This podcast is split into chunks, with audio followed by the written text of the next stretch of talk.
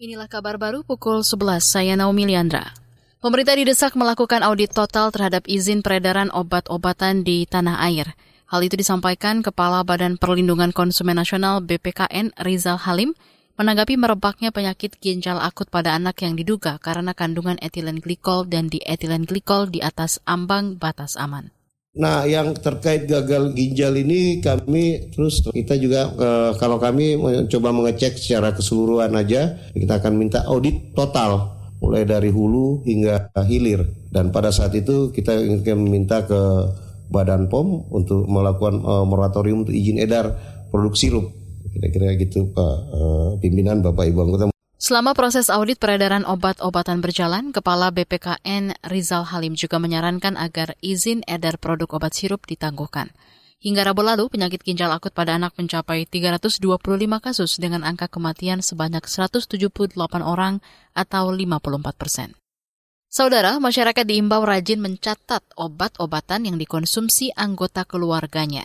Menurut Guru Besar Fakultas Farmasi UGM Yogyakarta, Zulis Ikawati, Kebiasaan masyarakat yang tidak mencatat obat yang dikonsumsi membuatnya sulit menelusuri medis seperti saat merebaknya kasus penyakit ginjal akut. Saya ingin menyarankan untuk masyarakat itu mencatat obatnya. Ini saya kira satu gerakan yang ingin saya dorong kepada masyarakat bahwa masyarakat itu perlu tahu tentang obat dan juga dia punya catatan obatnya. Karena ketika kita mencoba menggali kemarin dari kasus-kasus ini, kadang tuh gini kalau ditanya, wah lupa, oh sudah dibuang gitu ya. Jadi kan kita sulit untuk menganalisis ini saja nih ada hubungannya atau tidak. Iya, iya. Karena kan tidak lengkap begitu data itu.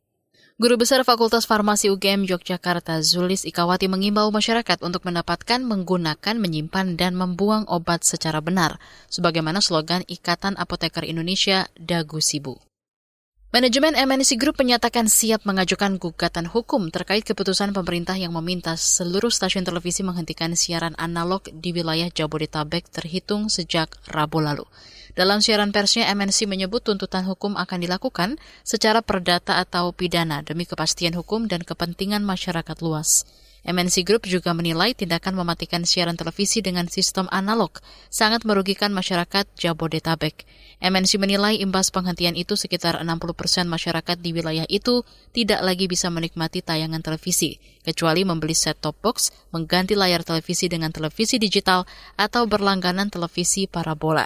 Manajemen MNC Group juga menilai kebijakan ASO bertentangan dengan putusan Mahkamah Konstitusi yang memerintahkan menangguhkan segala tindakan atau kebijakan yang bersifat strategis dan berdampak luas, serta tidak dibenarkan pula menerbitkan peraturan pelaksana baru terkait Undang-Undang Cipta Kerja.